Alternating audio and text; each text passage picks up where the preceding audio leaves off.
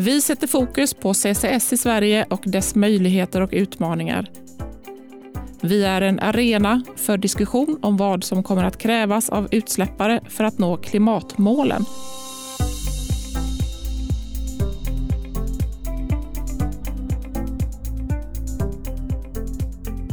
Välkommen till CCS-panelen. Jag som är programledare heter Sara Davidsson och till vardags arbetar jag som hållbarhetschef på Midrock Europe. Med mig idag i en studio i Göteborg har jag Filip Jonsson, professor i energisystem på Chalmers tekniska högskola i Göteborg. Välkommen Filip! Tack så mycket, tack så mycket. kul att vara här. Du eh, Filip, hur hamnade du i CCS-spåret? Ja, hur hamnade jag där? Jo, det var väl så att i början av 00-talet då så, så var de här energibolagen i Europa började titta på CCS och jag höll på då med med mitt så säga, ursprungliga område som är förbränningsteknik. Och då började vi ett samarbete med Vattenfall om en viss sån här CCS-teknik som kallas för oxyfueltekniken. Då. Så vi byggde upp en verksamhet kring det. Då. Så eh, det var ju då ett tag som det var högsäsong för CCS, eh, de här europeiska energibolagen. Sen av olika anledningar då så blev det inte så. så efter en sju, åtta år så, så ja, valde man andra vägar av olika orsaker. Då, det kan vi kanske återkomma till. Eh, så det är väl bakgrunden till det hela.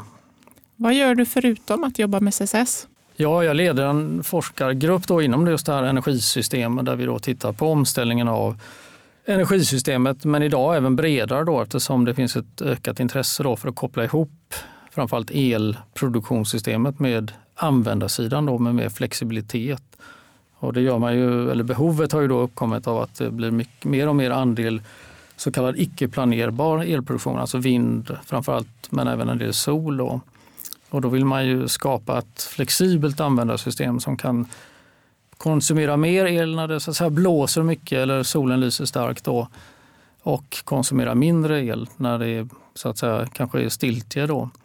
Och det kan vara en mängd olika saker, men till exempel smarta eh, strategier för att ladda elbilar, då, inklusive att faktiskt ladda ur elbilarna. Om vi har många elbilar så kan de då bidra till att eh, stabilisera systemet och tillföra extra effekt. Då.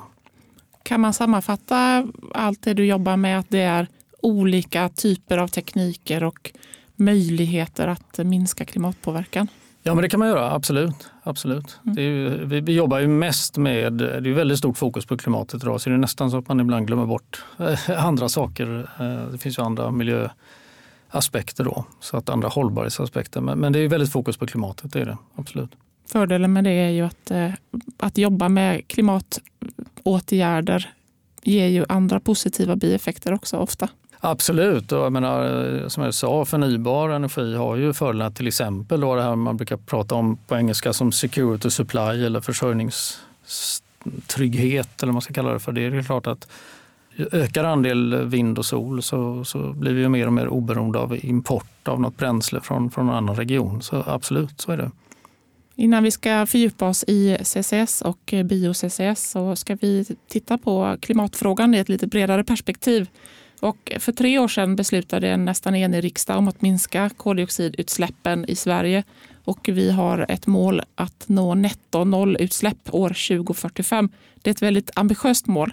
Rangordna för oss, Filip, vad behöver vi göra? Ja, rangordna och rangordna kanske är ta i, men man kan ju säga att det, det finns ju liksom eh, tre grund Mm, saker man kan göra. Och det ena är att man kan försöka effektivisera olika processer och, och, och vi alla då spara energi, alltså använda mindre energi.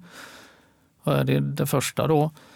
Eh, det är ofta har så att säga, låg kostnad då. Det blir helt enkelt billigare eh, att använda mer energi om man kan göra det. Och det andra då, det är att byta teknik, då, till exempel byta till mer förnybart då, eller ja, kan byta till kärnkraft också. Det, och det har man varit ganska lyckat med då på många håll, att vi just har expansion av, av vindkraft till exempel. Och vi har bytt från kolkraftverk i Europa då till naturgas till exempel då, på olika ställen. Och sen det tredje då, det är ju att avskilja eller binda in då koldioxid. Då. Och där är den här CCS-tekniken kommer in som är en del av det. Sen kan man ju också öka eh, biosfären genom att, och öka mängden då planterad, till exempel skog då, eller andra grödor. Då. Så det är de tre vägar vi har. Då.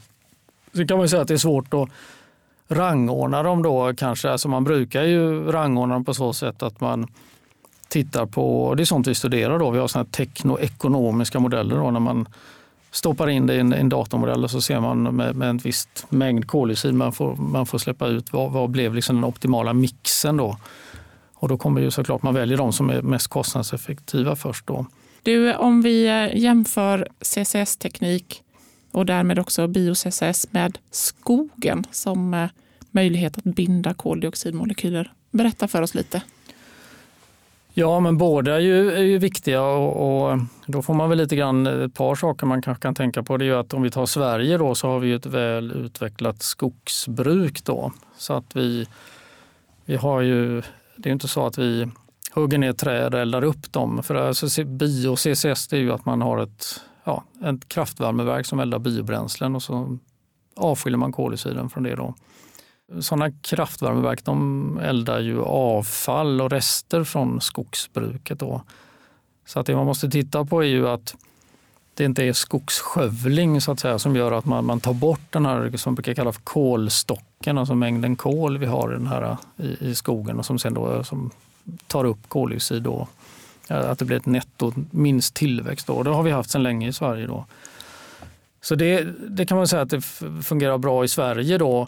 Sen finns det naturligtvis en debatt om, debatt om andra problem. Det är inte så att eh, alltså, en stor del av de skogar vi har i Sverige är så att säga, i någon mån planterade skogar. Även de som vi, om vi går en skogspromenad och tycker det här var en fin skog så är, den den ofta planterad. Men där är det svårt att vrida klockan tillbaka då och liksom hitta någon slags ursprungsblandskog eh, eller något sånt där. Sen är det klart att det är viktigt att, att se till att skyddsvärda skogar eh, bevaras och att, att det inte blir liksom för mycket kalhyggen och sånt. Det finns en stor debatt. Det är inte mitt expertområde men det, det finns ju mycket forskning som tittar på olika sorters skogsbruk och markanvändning, vad det är för direkta och indirekta effekter. Då.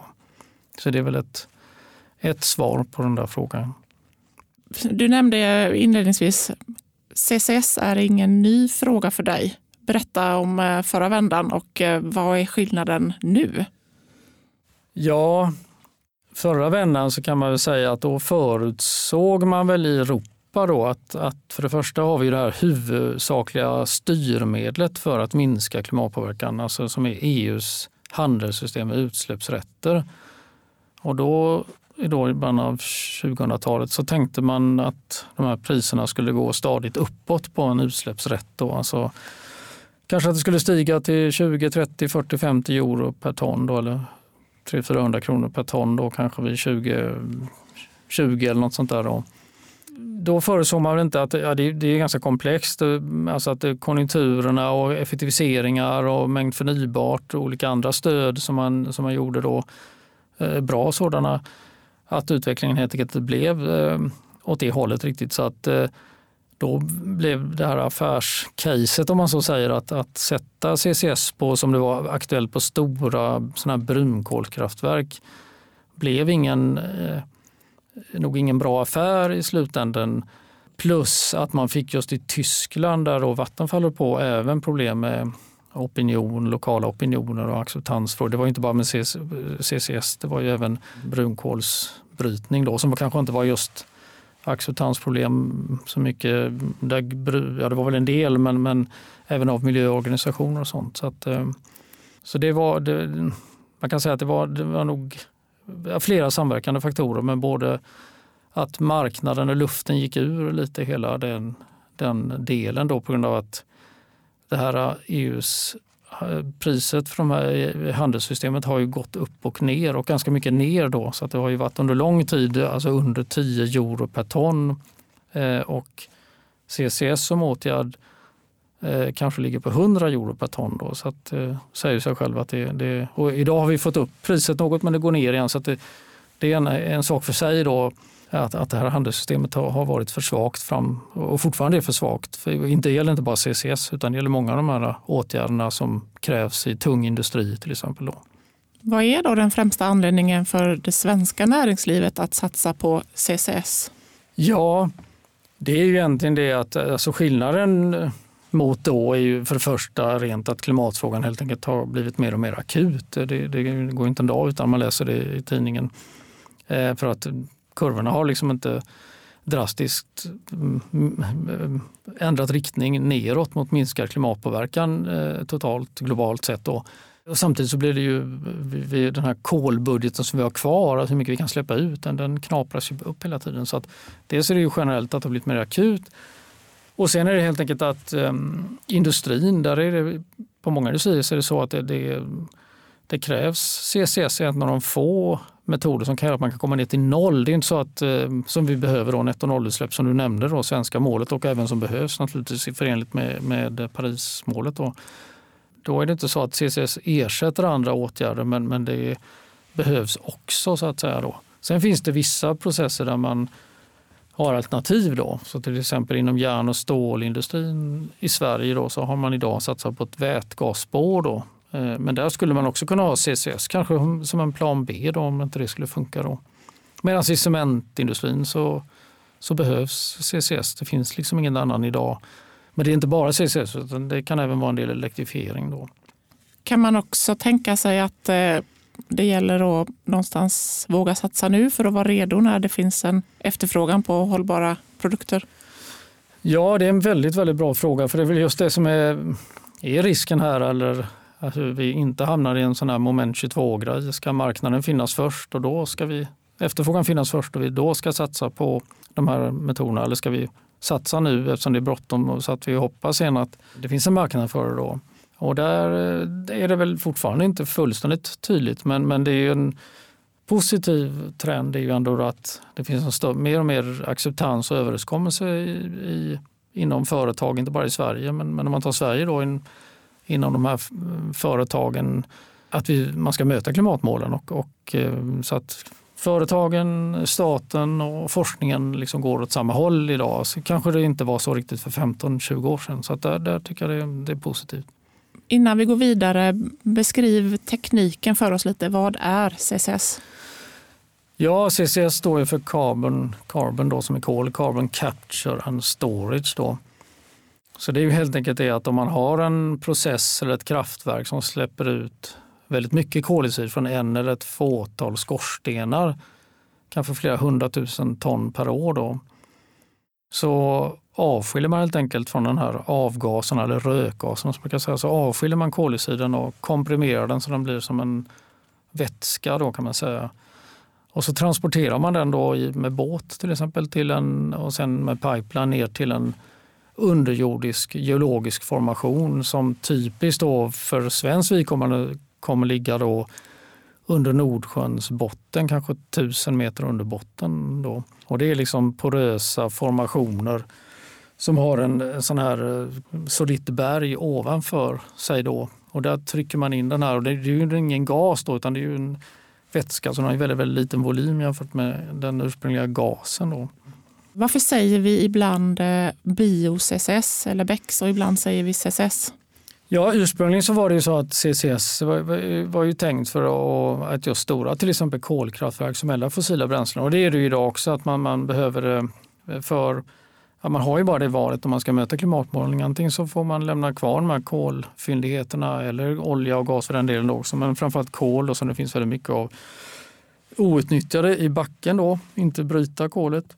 Eller så om man ska mäta klimatmålen så är ett alternativ att man, man ändå fortsätter under en övergångsperiod att elda det här eh, bränslet men då utrustar de här med CCS. Eh, så då, då brukar man säga att det är fossil CCS. Så att säga då. Sen eh, är det ingen skillnad på om man eldar biobränslen, det blir samma sorts koldioxid. Koldioxid är ju koldioxid. Så om man tillämpar CCS på ett biobränsle eldat kraftvärmeverk som, som jag sa innan då, eh, Eh, då brukar man säga det är bio-CCS eller BECCS, då, Bioenergy CCS. Då. Eh, det är ingen skillnad liksom mer än att bränslet råkar vara biobränslen och att om man då tänker att man har den här uthålligt producerade ur ett klimatperspektiv skogen så är det klart att om man då utan CCS har netto nollutsläpp då när man eldar upp den här eh, biobränslet men sen växer skogen och tar upp motsvarande mängd koldioxid. Om man då istället avskiljer och stoppar ner koldioxiden i backen från som biobränslen då blir det liksom netto negativa utsläpp. De har skapat minusutsläpp. Då. Behövs båda? Ja, men det får man nog säga att, att egentligen är det så att det är så pass akut idag så att inom inte allt för många decennier så måste vi ju se till att egentligen inte finns några skorstenar där kol, det får inte gå upp några kolmolekyler eller kolatomer i atmosfären utan de bör antingen stanna i någon långlivad produkt och, eller så stoppas ner i backen från där de kom från början kan man ju säga. Då. Så det får man nog säga. Det finns ju problem eller, eller liksom potentiella risker med bio-CCS som jag tror i, i, i, praktiken är jag inte så bekymrad över det. Men det skulle kunna vara att man tänker sig att man skapar negativa utsläpp. Ja, men då är det inte lika bråttom. Då har vi liksom en Technofix-grej att vi kan skjuta upp de andra. Men, men det är farligt att tänka så för trots allt är det en jätteutmaning att globalt sett få fram de stora minusutsläpp som tyvärr troligen kommer behövas för att vi kommer helt enkelt ha släppt ut för mycket. Då. I Sverige är vi ju ja, lyckligt lottade att vi har, som jag nämnde, det här välutvecklade skogsbruket och en, en stor etablerad bioekonomi bio, eh, med all logistik och allt som behövs för det. Men många länder har ju inte alls det då. Och, och det finns ju dessutom länder som har regelrätt skogsskövling. Då. Där, där, kan man inte, det är inte bra att börja med bio-CCS, liksom, utan då får man ju först etablera en hållbar skogs, ett hållbart skogsbruk eller andra energigrödor. Då. En sista teknikfråga. Risker kopplat till tekniken. Är det farligt? Tekniken i sig kan man nog inte säga är farlig. Sen finns ju den här uppenbara frågan när man har lagrat den här koldioxiden då kan, kan den läcka ut? Och, och det, får, det, kan man ju inte stå och säga att den, den, kan inte läcka ut för det vore inte att tala sanning utan det, det, skulle ju kunna läcka ut men rent fysikaliskt finns det väldigt lite som talar för att den skulle göra det och koldioxid i sig är ju liksom inte farligt så att eh, jag ser ju inte som det som ett stort problem. Då skulle det läcka lite grann så kommer man ju märka det. Man har kommer ju ha sån övervakning och Lagrar man då under havsbotten i Nordsjön så är det ju inte något som är, påverkar någon direkt så. Men, eh, men det som jag nämnde inledningsvis när man försökte lagra då på land, för de här geologiska formationerna jag nämnde, de finns liksom både under havsbotten och under land. Liksom det, det, det, de vet inte om om det var hav eller land ovanpå kan man säga. Eh, och då fick man ju inte acceptans för det. Då. Så att, eh, där, där finns ju en, en, en problematik. Då. Men, men som tur är så finns det väldigt stort lagringsutrymme just under Nordsjöns botten. Då. Hur stor är potentialen i Sverige för CCS sammantaget om vi jämför med våra totala utsläpp? Ja, alltså tittar man på just om man avskiljer koldioxiden då från de här industrianläggningarna och kraftvärmeverk så kan man säga som ett exempel att vi gjorde en studie där vi bara tog industrianläggningar och så tog vi de 20, som, som var över ett, eh, släpper ut mer än 500 000 ton per år koldioxid, då, alltså mer än en halv miljon ton. Och om man tillämpar CCS på de 28 stycken anläggningar som det blir då, alltså det är cement, raffinaderi, kemiindustri, pappers och massa. Då. Och där en stor del är just pappers och massa så det blir ju då den här BEX då, alltså tillämpad på bioenergi. Då. Så bara på de 28 anläggningarna så skulle man kunna ta bort motsvarande då 23 miljoner ton koldioxid och det motsvarar ju mer än halva Sveriges totala koldioxidutsläpp. Alla sektorer då, de som är ungefär 43 miljoner ton. Då. Ja, koldioxid då, sen har vi ju våra totala växthusgasutsläpp, de är 52-3 miljoner ton. Då. Så på det sättet är det ju en, en, liksom en kraftfull teknik. Skulle man då eh, dessutom tillämpa det på eh, kraftvärmeverk eh, och kan få gå ner lite under, säg från 200 000 ton uppåt, så skulle man kunna ta bort nästan motsvarande alla våra koldioxidutsläpp, kanske mer än 30 miljoner ton. Då. Så att eh, det är en stor potential för den tekniken. Då. Men återigen, det är ju inte så att man ska välja det här. Man ska fortfarande göra andra åtgärder. I ditt forskningsarbete, kan du uttala dig någonting om eh, skillnaden i synen på CCS i Sverige och internationellt? Ja, det, det, är nog kopplat ganska mycket till förutsättningarna. Tyvärr på något sätt är det väl lite så att eh, det har ju inte riktigt blivit storskaligt implementerat än så det, på ett sätt är det lite för tidigt att säga. Nu tror vi väl att det, som vad det ser ut i Sverige, att det ändå finns en hyfsad samsyn att det här är en teknik som behövs. Eh, miljörörelsen har väl varit eh, skeptiskt och avvaktande till det då men, men jag tror att givet de stora utmaningar vi har idag så det är ju lite grann så att allt, allt behövs. Liksom. Så att, jag tror dock att, att eh, det kommer vara svårt att få acceptans för CCS-tekniken just om, om det skulle vara i ett land där man skulle behöva eller vilja lagra under land. Då. Det, det var visar erfarenheterna från Tyskland. Man vet inte, mycket med klimatfrågan ändras ju också. Det här är ju ändå 15 år sedan ungefär som man stötte på problem där i Tyskland. Då.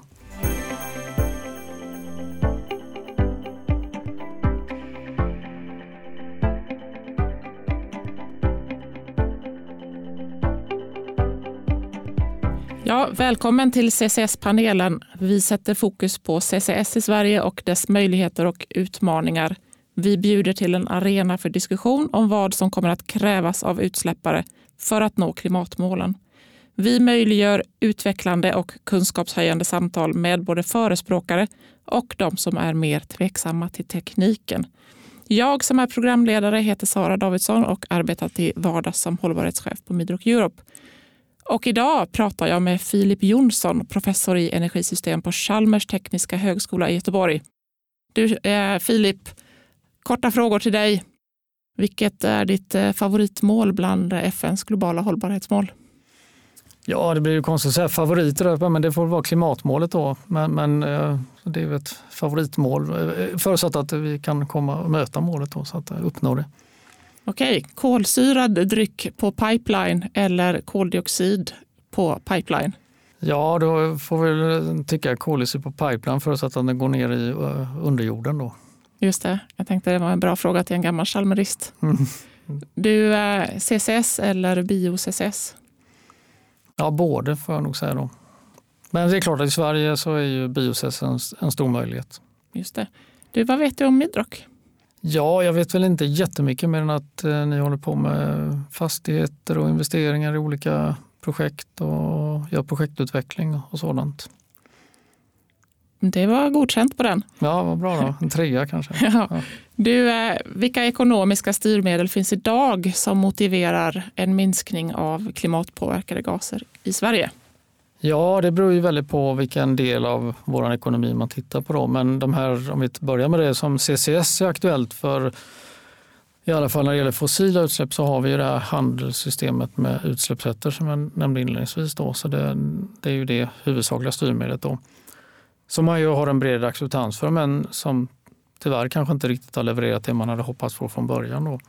Eh, sen har vi i Sverige har vi ju en koldioxidskatt då, och den går ju på transportsektorn, även om det är lite grann en efterhandskonstruktion eftersom det är en fiskal skatt på drivmedel. Jag menar, bensin och diesel kostar ju ungefär samma i hela Europa. Då. Sen att vi kallar en del av den skatten för koldioxidskatt, det, det är en annan sak. Men, eh, men däremot så för på värmesektorn så har den ju haft en effekt. Då. Vi har ju lyckligt lottade vi har det här välutbyggda fjärrvärmesystemet där man kunde då ganska effektivt ändra just från fossileldat till mycket mer eller ja, restfraktioner från skogsbruk då, som vi pratade om tidigare. Då.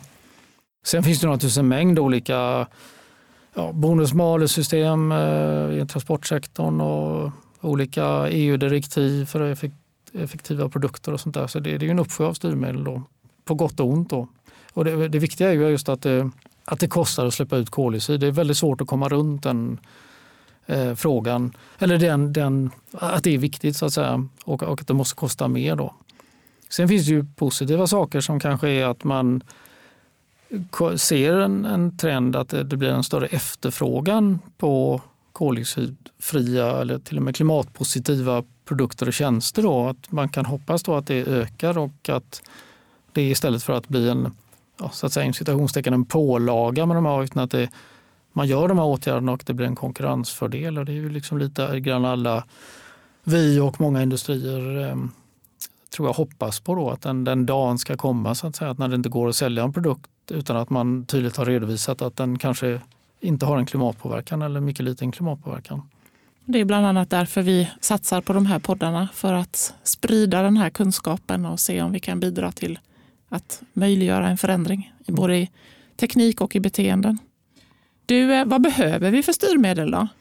Ja, vi behöver nog eh, kanske ungefär de vi har, det är bara att de måste vara öka sin, så att säga, de måste bli mer och mer kraftfulla då. Och det är det viktiga. Och, och även att de blir det långsamt och stadigt. Eh, som det här handelssystemet till exempel, det har ju priserna då på de här utsläppsrätterna gått både upp och ner och det blir liksom lite svårt att planera för det. Och, så, och det är ganska långa ställtider i de här industrierna där, där den här verkar, det här styrmedlet. Så, att, eh, så det är nog inte styrmedlen i sig som är så att säga, felaktiga eller att det behövs så mycket mer utan det är att det blir att styrmedlets verkan eller potens blir högre, så att säga större. Det är ju det som sätter prislappen för CCS-tekniken är ju att det kostar att göra. Det kostar att fånga in, det kostar att förvätska, transportera, lagra etc. Jag vet att du har uttalat dig om att det är skillnad på när det gäller lagring. Eh, det är skillnad på kostnad och på prislapp. Jo, men det var ju det som jag nämnde att Sverige har ju inte jättemycket väldefinierad e- lagringsplats på vårt eget territorium. Så det är just Norge där man har en satsning nu beslutad eller i princip beslutad då, man har kommit överens i norska, norska regeringen då med de här stödpartierna då, att, att man ska satsa på de här första storskaliga projekten. Då. Så som jag nämnde så kommer ju våran lagring behöva ske på norsk, inom norskt territorium. Alltså vi behöver så att säga, köpa den här tjänsten då och då är det ju som sagt att då är det ju inte vår egen kostnad utan det blir ett pris. Då. Så vi, man kan ju tänka sig att Norge vill göra bra med pengar på detta. Då. Nu har de gått ut ungefär och sagt vad det kommer kosta ungefär mellan 350 till kanske 550 kronor per ton. Då. Eh, och, och sen kommer då kostnaden till för själva avskiljningen då på våra anläggningar och då kanske det ligger mellan 400 och 1200 kronor per ton då, beroende på vad det är för typ av process. Då. Så att sammantaget så kanske det kommer hamna på någonstans mellan 800 kronor och 1400 kronor per ton. Då. Och den svenska koldioxidskatten som jag nämnde men som då inte verkar på de här anläggningarna den är just en, lite mer än 1000 kronor per ton så det är ungefär i samma härad. Då. Tycker du att vi borde utreda potentialen för slutlagring i svenska vatten? Man har ju börjat och man har gjort en del då, men, men eh, ja, det ironiska är ju att vi har, som vi inte har som Norge, till skillnad från Norge, har haft någon sån här olje och gasindustri så finns det mycket mindre såna här seismiska, såna här geologiska data. Då. Jag tycker i alla fall att man bör ta reda på hur stor kostnaden skulle vara för att, att bestämma den svenska lagringskapaciteten på ett mer eh, rigoröst sätt. Då. Eh, Sveriges geologiska undersökning har gjort en, en, större rapport där man har gått igenom och tittat på det. Men, men det är baserat på den geologiska data man har då, som är bristfällig. Då. Så att det behövs mer undersökningar. Det är nog bra i alla fall att göra en del mer på det. Då. Men det, det är nog ganska lång sikt innan vi, vi som skulle kunna ta det i anspråk. Då. För det behövs ganska mycket undersökningar och provborrningar och sånt där för det. Finns det något annat vi skulle kunna göra i Sverige då för att förbättra vår förhandlingsposition mm, om vi nu mm. ska shoppa i Norge? Ja, ja, det är inte bara Norge som kan erbjuda faktiskt, utan det finns även Storbritannien och, och eh, det finns väl eh, fem olika platser nu i, i, strax utanför svenska kusten i Nordsjön och Atlanten som är intressanta. Ja, jo precis. Men, men, eh, så, men det handlar ju om vilket land det är så att det finns inte så många länder då. Men, men både Holland och Storbritannien och, och, och, Norge har ju projekt då. Så att där kan man ju samverka då. Så lite konkurrens finns det nog.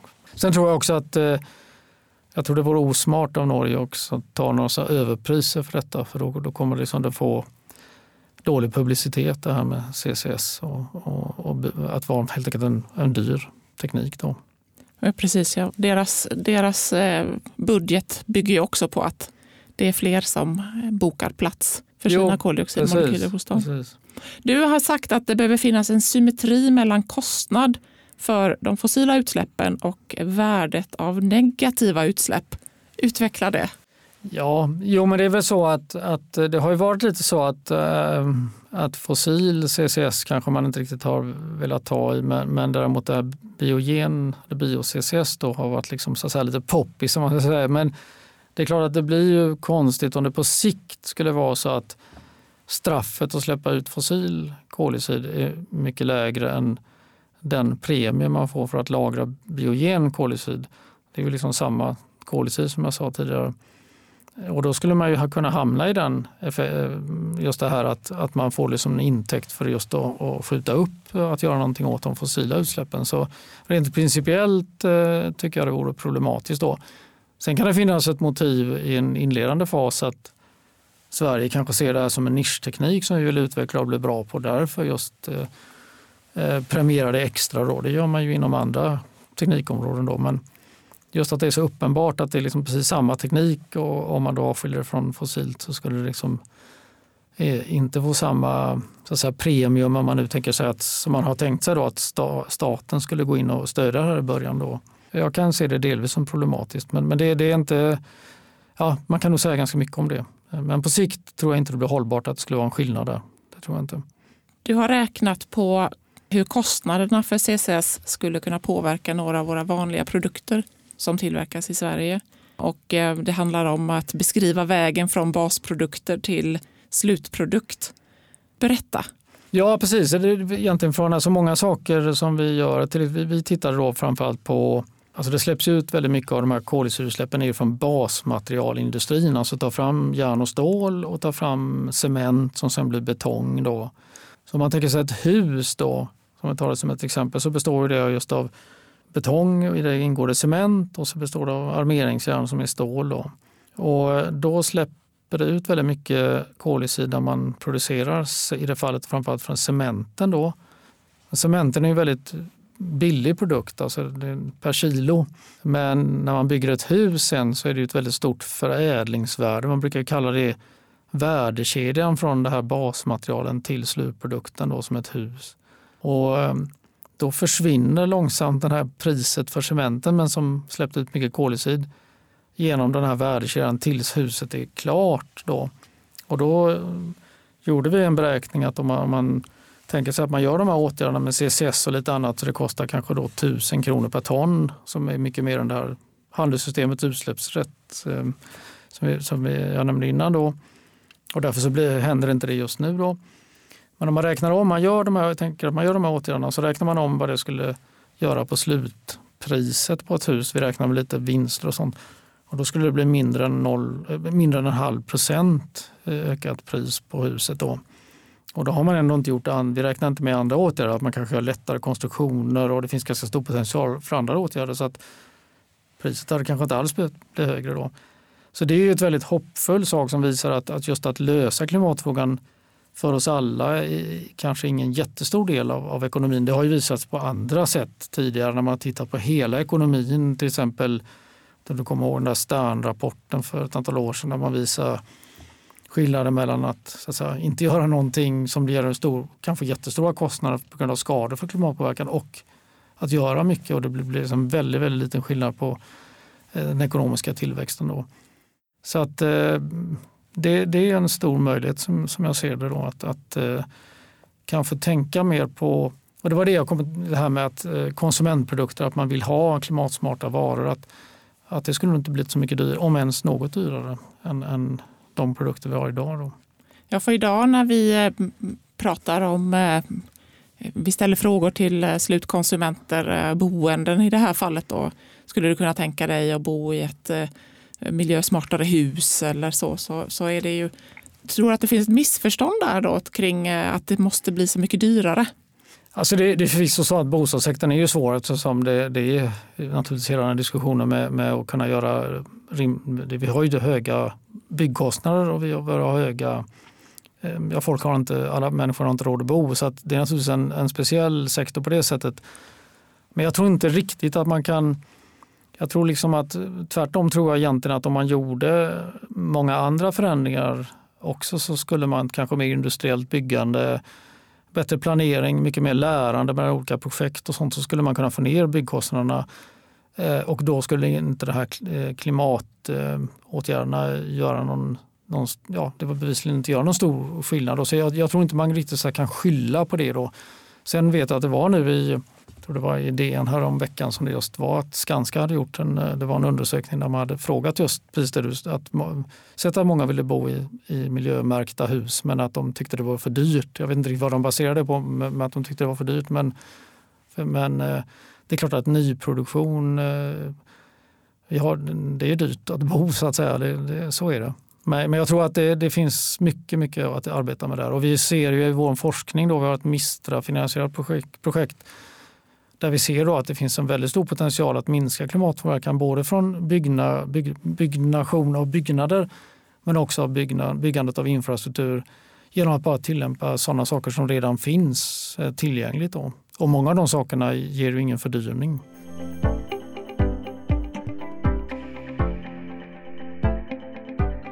Det är ju lätt att bli förtjust i den här CCS-tekniken och, och glömma att arbeta med det vi redan har framför oss.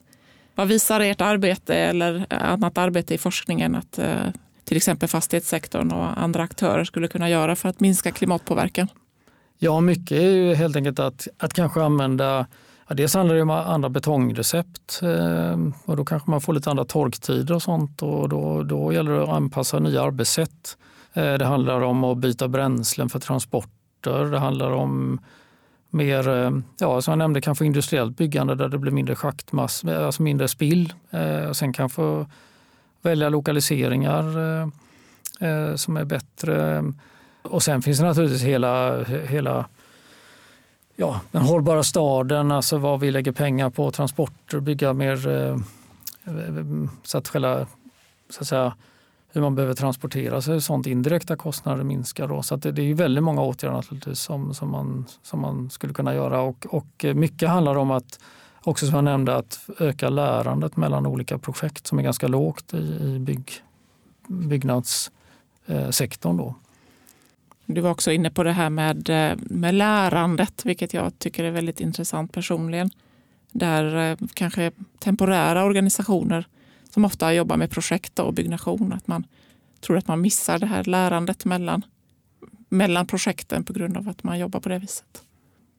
Ja men absolut och, och det mm, har man ju sett att det kanske är, inte mitt expertområde, men man har väl sett just det också att det är förhållandevis kommer ner till en enskilda personer, alltså projektledare och sånt som driver. Någon är intresserad av det här och då blir det saker eh, förändrat om man testar nya arbetssätt och kanske nya material medan de som inte är intresserade så blir det inte det. Men, men det är ju bra för de här som är intresserade, det är jättebra men, men samtidigt ska det inte vara så beroende av person, enstaka personer utan det ska ju vara genomgående att man försöker öka. Nu, nu pågår det mycket och vi hoppas mycket på det här Fossilfritt Sverige med de här färdplanerna som är framtagna. Då. Jag deltog själv i den här bygg och anläggningssektorns färdplan och det var ju väldigt stimulerande och det finns ett stort engagemang. Då. Sen är det i stora organisationer som Trafikverket, Skanska, NCC och så, så är det utmaning att få igenom det här genom hela organisationerna. Om vi ska få CCS att gå från teori till praktik i Sverige, vad är det viktigaste att vi gör nu? Ja, det viktigaste är ju naturligtvis att man kan skala upp då från de här, det finns ett antal sådana här små pilotanläggningar då, Stockholm Exergi har ju en och eh, Prim har ett och sen har vi då cementindustrin som jobbar ihop med Norge då. Ja, det finns testanläggningar då till större skala, alltså fullskala. Då. Det är ganska bråttom då. Och då är det ju återigen att kanske statens roll i de här första storskaliga projekten måste liksom snabbt komma till stånd, att det blir tydligt. Man har ju föreslagit ett, när det gäller det här bio-CCS, då, ett så kallat omvänt auktioneringsförfarande då, för att få till stånd det här. Då. Och det gäller ju att det kan leverera då, för det blir ganska mycket, om industrin så att säga behöver allt all finansiering för detta. För idag, det, det glömde vi väl säga, eller jag glömde ta upp det, för de här biogena utsläppen så finns det ju inga drivkrafter alls idag eftersom det just har ansetts vara och är klimatneutralt då, så som vi pratade om innan. Så där skulle ju staten i så fall behöva skapa ett incitament på, det, på den hela fulla så att säga, kostnaden då i en sån här auktioneringsförfarande. Det blir ganska mycket pengar då. Sen kan man ju hoppas på att det parallellt växer upp, att det finns initiativ, till exempel Stockholm Exergi som har sett den här marknaden för att just naturlig drivkraft att någon vill så att säga, köpa negativa utsläpp. Då. Så det är en positiv sak som man hoppas kan utvecklas då. Och sen när det gäller EU ETS så, så hänger det helt enkelt på att, att nu de här priserna efter covid-19 att man får tillbaka upp mot kanske 30 euro per ton och att man ser att det här kommer stiga. Då. Det finns ju något som kallas för Swedish proposal där man faktiskt reformerade systemet nu för, för inom den här handelsperioden som startar nu då 2021 då, så att fler utsläppsrätter kommer att annulleras. Då. Det är ett ganska komplicerat förfarande då, men det gör att det i alla fall inte blir, li, ja, det blir lite mer kontroll på det. Då. Att det inte kommer sjunka så lågt förhoppningsvis. Då. Så att det är väl det vi har att spela med idag. Sen har ju EU-kommissionen då en ny sån innovationsfond då, som redan nu många företag har sökt ifrån. Då, som kan ge då till större projekt, inklusive en del till driften av projekten. Då. Men det viktiga är ju att på sikt så måste det ju bli en naturlig vi kan liksom inte subventionera eller ha, liksom staten kan ju inte från sin statskassa betala industrierna under lång tid utan det är ju för att få igång det då. Så det är viktigt med den initiella tydligheten från staten och hjälpa till och bestämma. Sen är det här något vi vill ta ledningen på. Då, då hjälper vi till med det. Men sen det, gäller det ju att hela klimatpolitiken i Europa och globalt eh, kommer upp på banan och levererar till lite höga kostnader och släppa ut koldioxid. Då. Och att man hittar ett premium för att och finansiera negativa utsläpp. Då. Och sen naturligtvis att på sikt att vi, vi vill bara köpa klimatneutrala varor. Då. Ja, det är lite hönan eller ägget här. Vem ska gå först? Och det är stora finansiella risker för de som är tidigt ute. Det. Men det är väl också så att de finansiella riskerna, om nu det här kommer igång, kommer ju att minska med tiden. Ja men absolut. Och jag menar, eh, det är ju en stor finansiell risk att liksom bara köra på och, och eh, tro att man kan sälja då på sikt eh, klimatsmutsiga eh, produkter för att det kommer ju komma förhoppningsvis ganska snart en, en dag när alla frågar efter vad klimatavtrycket är på de här, det man köper och kommer olika certifieringar och så vidare. Och, eh, det handlar ju om eh, den finansiella sektorn har ju kommit på banan så att säga nu och börjar med, med att man kanske inte vill ge lika föraktiga lån till saker då som är ja, ja, definitivt placeringar och sånt. Att man, man, eh, det här som kallas för de-investments, då, att man, man avinvesterar från, från eh, fossila eh, sånt som är förknippas med fossil, fossila eh, resurser. Då. Så att, eh, det tror jag också en, en, kan bli en stark drivkraft. Och vi har den här nya taxonomin som det kallas för då, som EU håller på med då, och föreslagit där man då delar in olika tekniker och, och aktiviteter då efter ja, hur gröna eller hur långsiktigt hållbara de är. Då. Och där det kommer då bli svårare helt enkelt att få eh, lån då, fördelaktiga då, från till exempel den Europeiska investeringsbanken om, om de inte är klassas då som, som hållbara. Då. Den stora fördelen med eh, CCS är ju att det möjliggör borttagning av koldioxid i stora mängder på kort tid och att eh, lagringen av koldioxid, alltså själva borttagningen av koldioxidmolekylerna sker under väldigt, väldigt lång tid. Du nämnde förut eh, utmaningar kring CCS-tekniken och finansieringen är en del. Intimt kopplad med finansieringen är ju att hitta nya affärsmodeller. Tror du att man skulle kunna jobba med koldioxidmolekyler eh, och eh, den, att lagringen är så permanent i värderingen av de produkterna eller bilda affärsmodeller kring det? Ja, men jag menar, det är väl, får man väl ändå säga att eh, om vi nu antar att den här som det var risken att det skulle liksom på något sätt läcka ut så, så så är ju hela idén med det här att, att den, den blir så att säga permanent lagrad. Det är så att har det inte läckt ut efter ett år så, så minskar ju sannolikheten att det skulle läcka ut år två och så vidare. Så att det, och det går i lösning i, i det här vattnet som finns nere där i de här akvifärerna. Det är inte dricksvatten akviferer utan det är saltvattenfyllda formationer. Då. Och sen väldigt långsamt blir det någon, som fast material. Då. Så att det blir ju liksom permanent lager. Man kan jämföra med sådana här carbon offset som man säger att man, man klimatkompenserar dem och plant, trädplanteringar och sånt där. Och där finns ju en väldigt stor problematik att, att alltså kolcykeln är ju hundratals år, kanske upp till tusen år lite beroende på vilka delar man ser. Men, men sådana här trädplanteringar kanske man gör och så kan, vet man inte, de kanske huggs ner efter 20 år. Och då är det ganska meningslöst. Så att, eh, för CCS slipper man ju den eh, debatten tror jag. Det, det, får man nog ändå säga att är det lagrat så är det lagrat. Så att säga. Det, det, det är en klar fördel med den, den tekniken. Då. Du, ehm, avslutningsvis, är det någonting du tycker vi missar när vi pratar om klimatutmaningar? Nej, men det tycker jag väl inte. Jag tycker kanske att det är viktigt att komma ihåg just att, att liksom CCS är en viktig teknik men det är inte så att den ersätter andra utan vi behöver allting och, och just att det finns de här stora möjligheterna, inte minst i Sverige med fossilfritt Sverige, att vi har de här sektorerna som där man gemensamt, det, det som man brukar kalla för det här kollektiva handlandet då förhoppningsvis vill, eller som det verkar då vill eh, uppnå samma sak och, att vi tillsammans kan bygga på det och, och att man samverkar då för att göra detta. Då. Vi, vi är nog ganska bra på det i Sverige ändå. Eh, jag är inte lika övertygad att vi, om man jämför det vi naturligt har väldigt bra eh, förutsättningar här, så jag är inte lika övertygad att vi, vi egentligen har som många tycker att vi ska gå före och har gått före. Det är bra att gå före men då får vi verkligen visa det. Då. Men jag tror vi har väldigt goda förutsättningar att göra det i Sverige då, eh, för att det är så stort samsyn på de här frågorna. Vad är drömläget om fem år? Ja, men det är väl att vi har verkligen kommit igång med att eh, vi har några antal sådana stora projekt som, som verkligen har kommit upp på full skala. Då.